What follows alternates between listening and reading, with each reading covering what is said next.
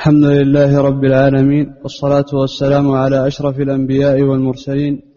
نبينا محمد وعلى آله وصحبه أجمعين اللهم اغفر لنا ولشيخنا ولجميع المسلمين قال الشيخ حافظ الحكمي في كتابه معارج القبول بشرح سلم الوصول إلى علم الأصول بسم الله الرحمن الرحيم الحمد لله الذي لم يتخذ ولدا ولم يكن له شريك في الملك ولم يكن له ولي من الذل وما كان معه من إله الذي لا إله إلا هو ولا خالق غيره ولا رب سواه المستحق لجميع أنواع العبادة ولذا قضى أن لا نعبد إلا إياه ذلك بأن الله هو الحق وأن ما يدعون من دونه هو الباطل وأن الله هو العلي الكبير عالم الغيب والشهادة الذي استوى في علمه ما أسر العبد وما أظهر الذي علم ما كان وما يكون وما لم يكن لو كان كيف يكون وما يعزب عن ربك مثقال ذرة في السماوات ولا في الأرض ولا أصغر من ذلك ولا أكبر يعلم ما يلج في الأرض وما يخرج منها وما ينزل من السماء وما يعرج فيها كيف لا وهو الذي خلق وقدر ألا يعلم من خلق وهو اللطيف الخبير رحمن الدنيا والآخرة ورحيمهما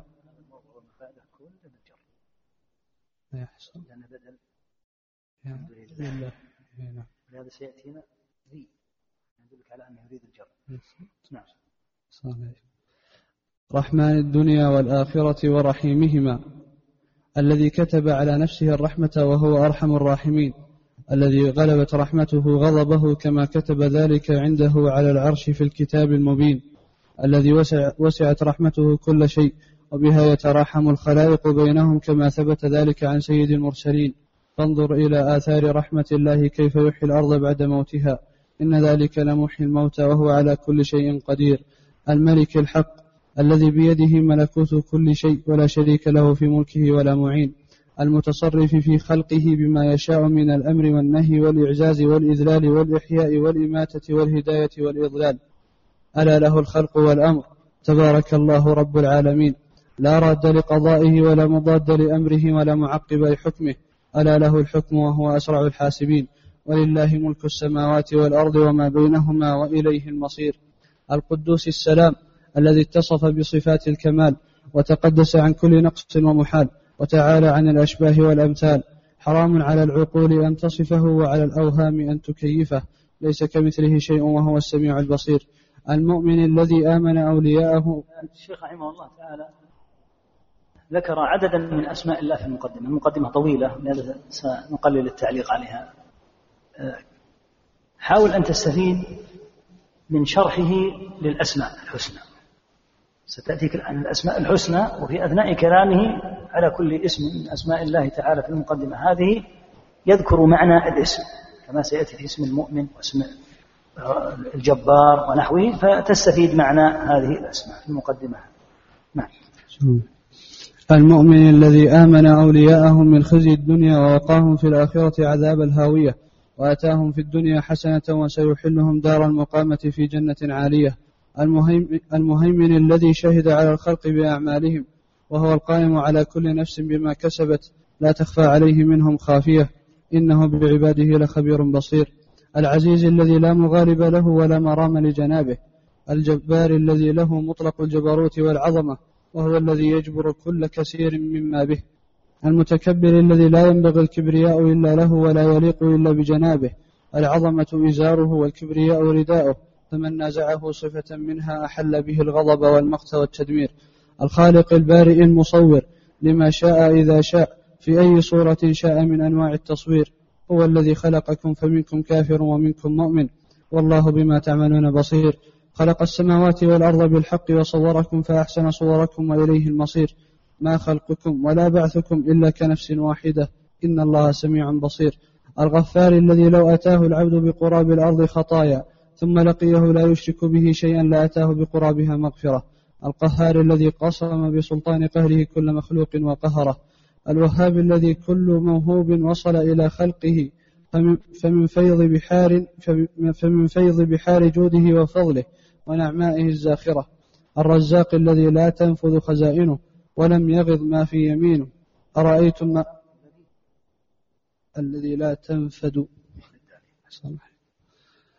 الرزاق الذي لا تنفد خزائنه ولم يغض ما في يمينه أرأيتم ما ولم يغض ما في يمينه أرأيتم ما أنفق منذ خلق السماوات والأرض ماذا نقص من فضله الغزير يرزق كل ذي قوت قوته ثم يدبر ذلك القوت في الأعضاء بحكمته تدبيرا متقنا محكما يرزق من هذه الدنيا من يشاء من كافر ومسلم أموالا وأولادا وأهلا وخدما ولا يرزق الآخرة إلا أهل توحيده وطاعته قضى ذلك قضاء حتما مبرما وأشرف الأرزاق في هذه الدار ما رزقه عبده على أيدي رسله من أسباب النجاة من الإيمان والعلم والعمل والحكمة وتبيين الهدى المستنير كما قال رحمه الله تعالى أعظم الرزق وأكرم الرزق هو أن يهبك الله تعالى ويرزقك الإيمان والعلم النافع والعمل الصالح هذا أعظم أنواع الرزق الإيمان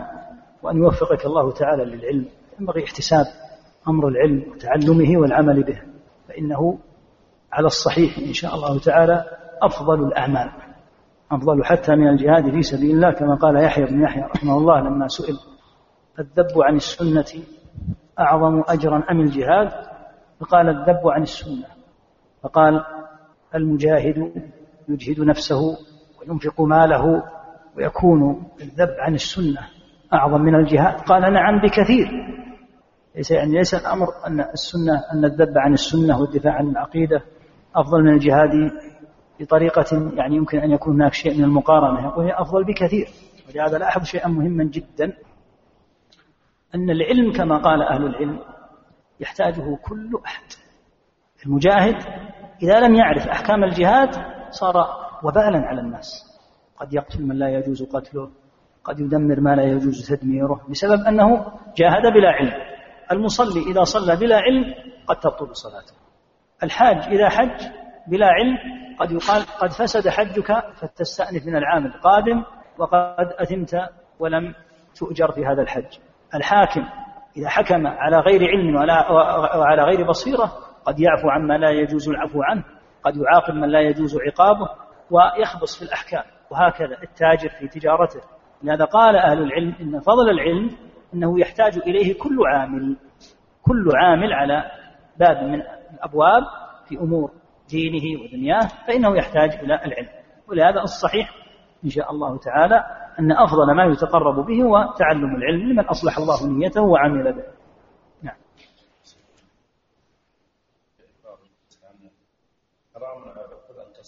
حرام قد حرمها الله سبحانه استحيل عليها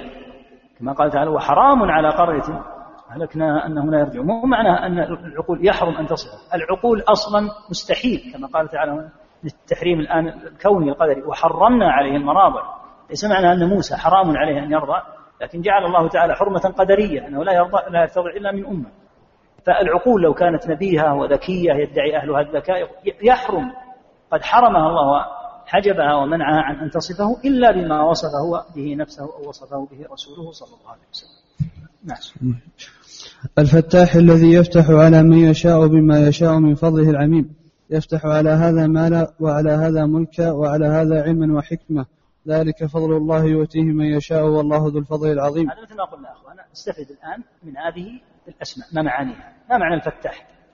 الذي يفتح على من يشاء ما شاء يفتح على هذا مالا يفتح على هذا علما فذكر رحمه الله تعالى أسماء الله تعالى في هذه المقدمة وصار يذكر مع كل اسم معناه بإجمال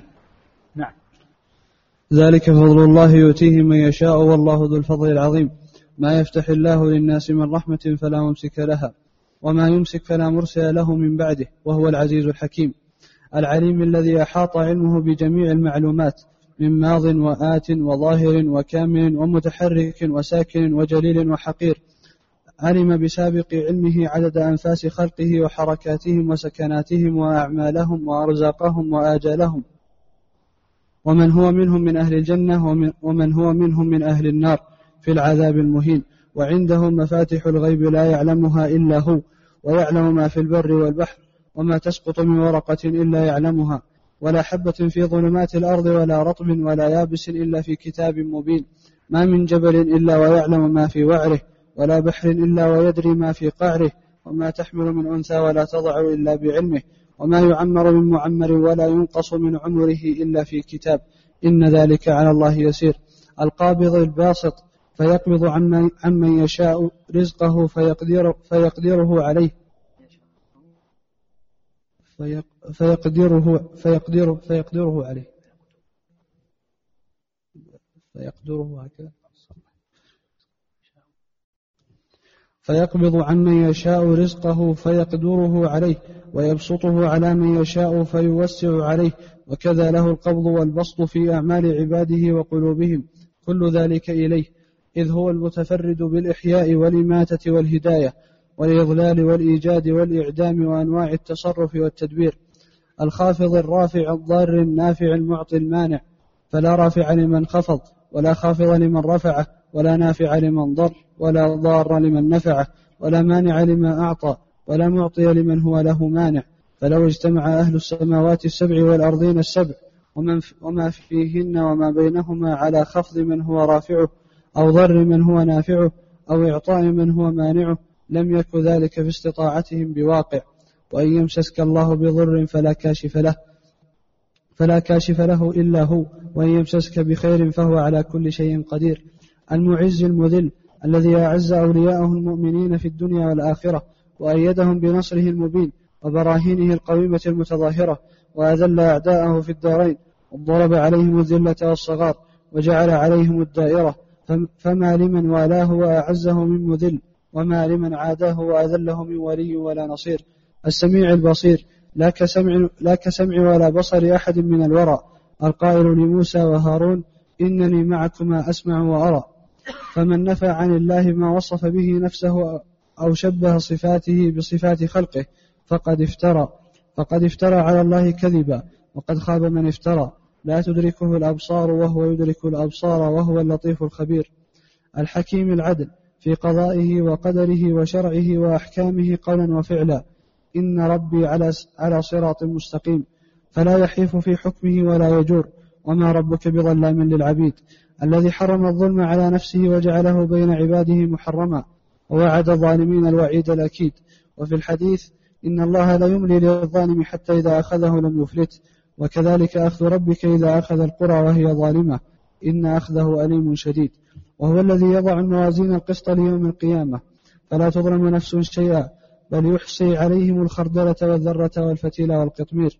اللطيف اللطيف بعباده معافاة وإعانة وعفوا ورحمة وفضلا وإحسانا ومن معاني لطفه إدراك أسرار الأمور حيث أحاط بها خبرة وتفصيلا وإجمالا وسرا وإعلانا الخبير بأحوال مخلوقاته وأقوالهم وأفعالهم ماذا عملوا وكيف عملوا وأين عملوا ومتى عملوا حقيقة وكيفية ومكانا وزمانا إنها إن تكن مثقال حبة من خردل فتكن في صخرة أو في السماوات أو في الأرض يأتي بها الله إن الله لطيف خبير الحليم فلا يعاجل أهل معصيته بالعقاب بل يعافيهم ويمهلهم ليتوبوا فيتوب عليهم إنه هو التواب العظيم الذي اتصف بكل معنى يوجب التعظيم وهل تنبغي العظمة إلا لرب الأرباب خضعت لعظمته وجبروته جميع العظماء وذل لعزته وكبريائه كل كبير الغفور الشكور الذي يغفر الكثير من الزلل ويقبل اليسير من صالح العمل فيضاعفه أضعافا كثيرة ويثيب عليها الثواب الجلل وكل هذا لأهل التوحيد يعني مثل ما من تفسير الأسماء لك اسم الغفور واضح لكن ما معنى الشكور يتضح في قوله رحمه الله الغفور الشكور ثم بين أنه تعالى يغفر الكثير من الزلل ويقبل اليسير من العمل من صالح العمل يغفر الكثير من الزلل هذا في معناه الغفور لكن ما معنى الشكور يقبل اليسير من العمل فيضاعفه أضعافا كثيرة ويثيب عليه الثواب الجلل الشكور هو الذي يجازي على العمل القليل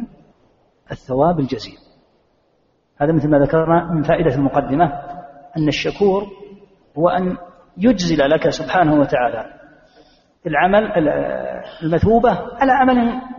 يعني أعمال الإنسان في هذه الدنيا لا توازي الجنة لا توازي لحظة من لحظات الجنة أن يعيشها الإنسان الجنة لا يمكن أن تنال بالعمل نفسه لكن الله يشكر عملك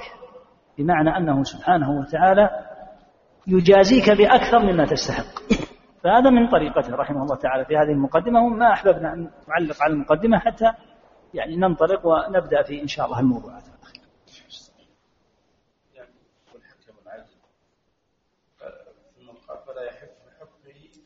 ولا يجوز هو في نسخة عندك الحكيم عندي عندي الحكم الحكم لعل قرأها قراءة لكن الحكم الحكم العجل والحكيم من أسمائه سبحانه وتعالى من جهة الحكمة ومن جهة الحكم أيضا اسم الحكيم من جهة الحكمة أنه حكيم يضع الأشياء في موضعها ومن جهة أيضا أن إليه الحكم سبحانه نعم وكل هذا لأهل لأهل التوحيد أما الشرك فلا يغفره ولا يقبل معه من العمل من قليل ولا كثير العلي العلي الذي ثبت له كل معاني العلو علو الشأن وعلو القهر وعلو الذات الذي استوى على عرشه وعلى على خلقه بائنا من جميع المخلوقات كما أخبر بذلك عن نفسه في كتابه وأخبر عنه رسوله صلى الله عليه وسلم في أصح الروايات وأجمع على ذلك أهل الحل والعقد بلا نزاع بينهم ولا نكير الكبير الذي كل شيء دونه والأرض جميعا قبضته يوم القيامة والسماوات مطويات بيمينه كما أخبر بذلك عن نفسه نصا بينا محكما الحفيظ على كل شيء فلا يعزب عنه مثقال ذرة في الأرض ولا في السماء الذي وسع كرسيه السماوات والأرض ولا يؤوده حفظهما حفظ أولياءه في الدنيا والآخرة ونجاهم من كل أمر خطير المغيث لجميع مخلوقاته فما استغاثه ملهوف إلا نجاه الحسيب الوكيل الذي ما التجا إليه مخلص إلا كفاه ولا اعتصم به مؤمن إلا حفظه ووقاه ومن يتوكل على الله فهو حسبه فنعم المولى ونعم النصير الجليل الذي جل عن كل نقص واتصف بكل كمال وجلال الجميل الذي له مطلق الجمال في الذات والصفات والأسماء والأفعال الكريم الذي لو أن أول على الذي لو أن أول الخلق وآخرهم وإنسهم وجنهم قاموا في صعيد واحد فسألوه فأعطى كل واحد منهم مسألته ما نقص ذلك مما عنده إلا كما ينقص المخيط إذا أدخل البحر كما روى عنه نبيه المصطفى المفضال ومن كرمه أن أن يقابل الإساءة بالإحسان والذنب بالغفران ويقبل التوبة ويعفو عن التقصير الرقيب على عباده بأعمالهم العليم بأقوالهم وأفعالهم الكفيل بأرزاقهم وأجالهم وإنشائهم ومآلهم المجيب لدعائهم وسؤالهم وإليه المصير الواسع الذي وسع كل شيء علما ووسع خلقه برزقه ونعمته وعفوه ورحمته كرما وحلما يعلم ما بين أيديهم وما خلفهم ولا يحيطون به علما لا تدركه الأبصار وهو يدرك الأبصار وهو اللطيف الخبير الحكيم في خلقه وتدبيره إحكاما وإتقانا والحكيم في شرعه والحكيم في شرعه وقدره عدلا وإحسانا وله الحكمة البالغة والحجة الدامغة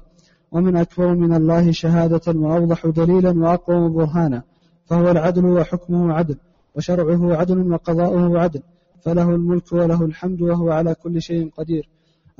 الودود الذي يحب أولياءه ويحبونه كما أخبر عن نفسه في محكم الآيات مثل ما قلت فسر لك اسم الودود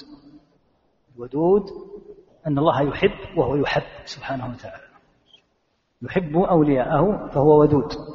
وهو مودود لهم فهم يحبونه سبحانه وتعالى فهذا من تفسيره للاسم نعم المجيب لدعوة الداعي إذا دعاه في أي مكان كان وفي أي وقت من الأوقات فلا يشغله سمع عن سمع ولا تختلف عليه المطالب ولا تشتبه عليه الأصوات فيكشف الغم ويذهب الهم ويفرج الكرب ويستر العيب وهو الستير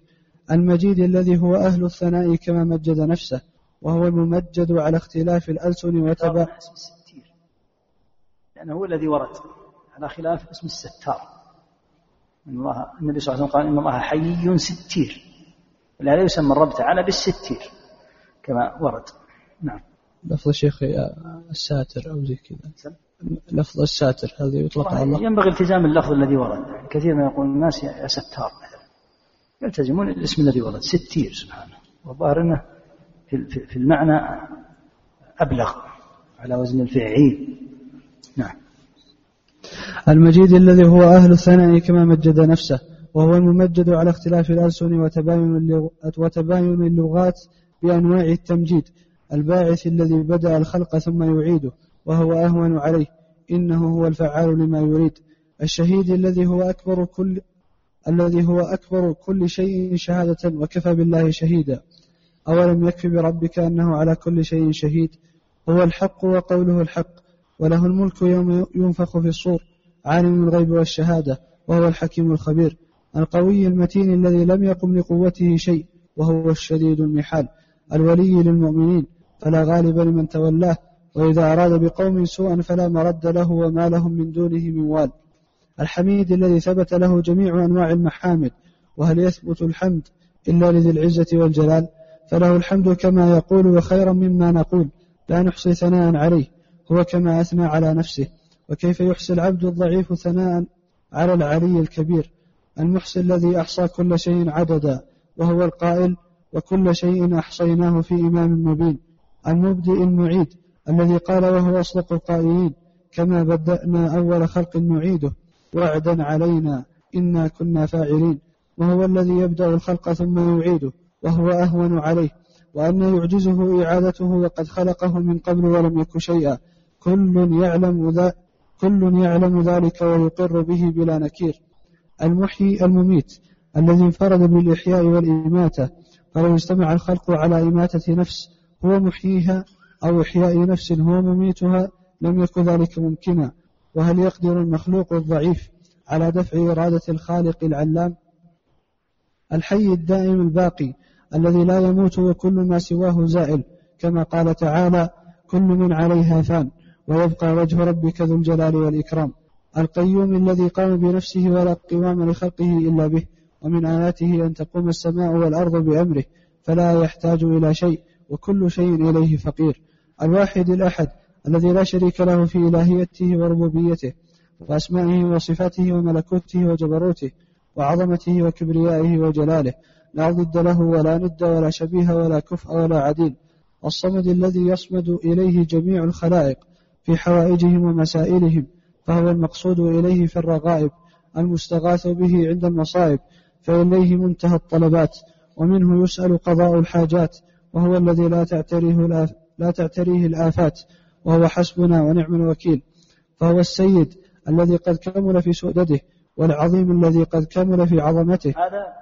تفسير الصمد يعني ذكره رحمه الله تعالى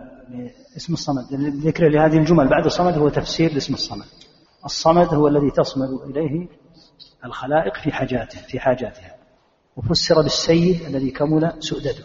فأورده رحمه الله تعالى في أثناء هذه المقدمة تستفيد هذا تستفيد معاني هذه الأسماء أن الصمد هو السيد الذي كمل في سؤدده سبحانه وسمي بالصمد أيضا لأن الخلائق تصمد إليه في قضاء حاجاتها كل الخلائق يسأله من في السماوات والأرض سبحانه فهذه من فوائد هذه المقدمة نعم والحليم الذي قد كمل في حلمه والعليم الذي قد كمل في علمه والحكيم الذي قد كمل في حكمته وهو الذي قد كمل في صفات الكمال ولا تنبغي هذه الصفات لغير الملك الجليل كل هذا تفسير لاسم الصمد نعم القادر المقتدر الذي إنما أمره إذا أراد شيئا أن يقول له كن فيكون وما كان الله ليعجزه من شيء في السماوات ولا في الأرض إنه كان عليما قديرا المقدم المؤخر بقدرته الشاملة ومشيئته النافذة على وفق ما قدره وسب وسبق به علمه وتمت به كلمته بلا تبديل ولا تغيير الأول فليس قبله شيء والآخر فليس بعده شيء والظاهر فليس فوقه شيء والباطن فليس دونه شيء هكذا فسره البشير النذير